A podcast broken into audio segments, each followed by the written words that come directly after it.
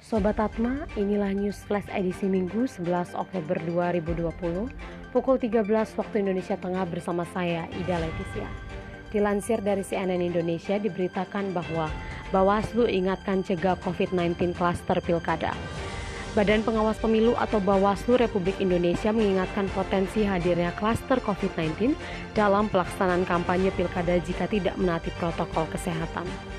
Ketua Bawaslu Republik Indonesia Abhan menegaskan bahwa protokol kesehatan harus ditaati oleh semua pihak yang terlibat pada penyelenggaraan pilkada.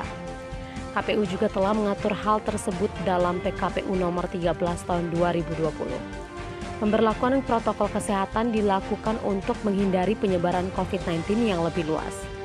Selain protokol kesehatan, Abhan juga mengimbau para peserta pilkada untuk menaati aturan lain pilkada seperti tidak melakukan politik uang, kampanye hoaks, isu sara, serta netralitas ASN. Lebih lanjut, Abhan menerangkan bahwa KPU menargetkan partisipasi pemilih dalam pilkada tahun 2020 ini di atas 70 persen, mengingat hak pilih masyarakat dan aturan yang telah berlaku. Sobat Atma, demikianlah News Flash edisi kali ini. Nantikan News Flash 2 jam mendatang. Saya Ida Leticia, selamat siang dan sampai jumpa.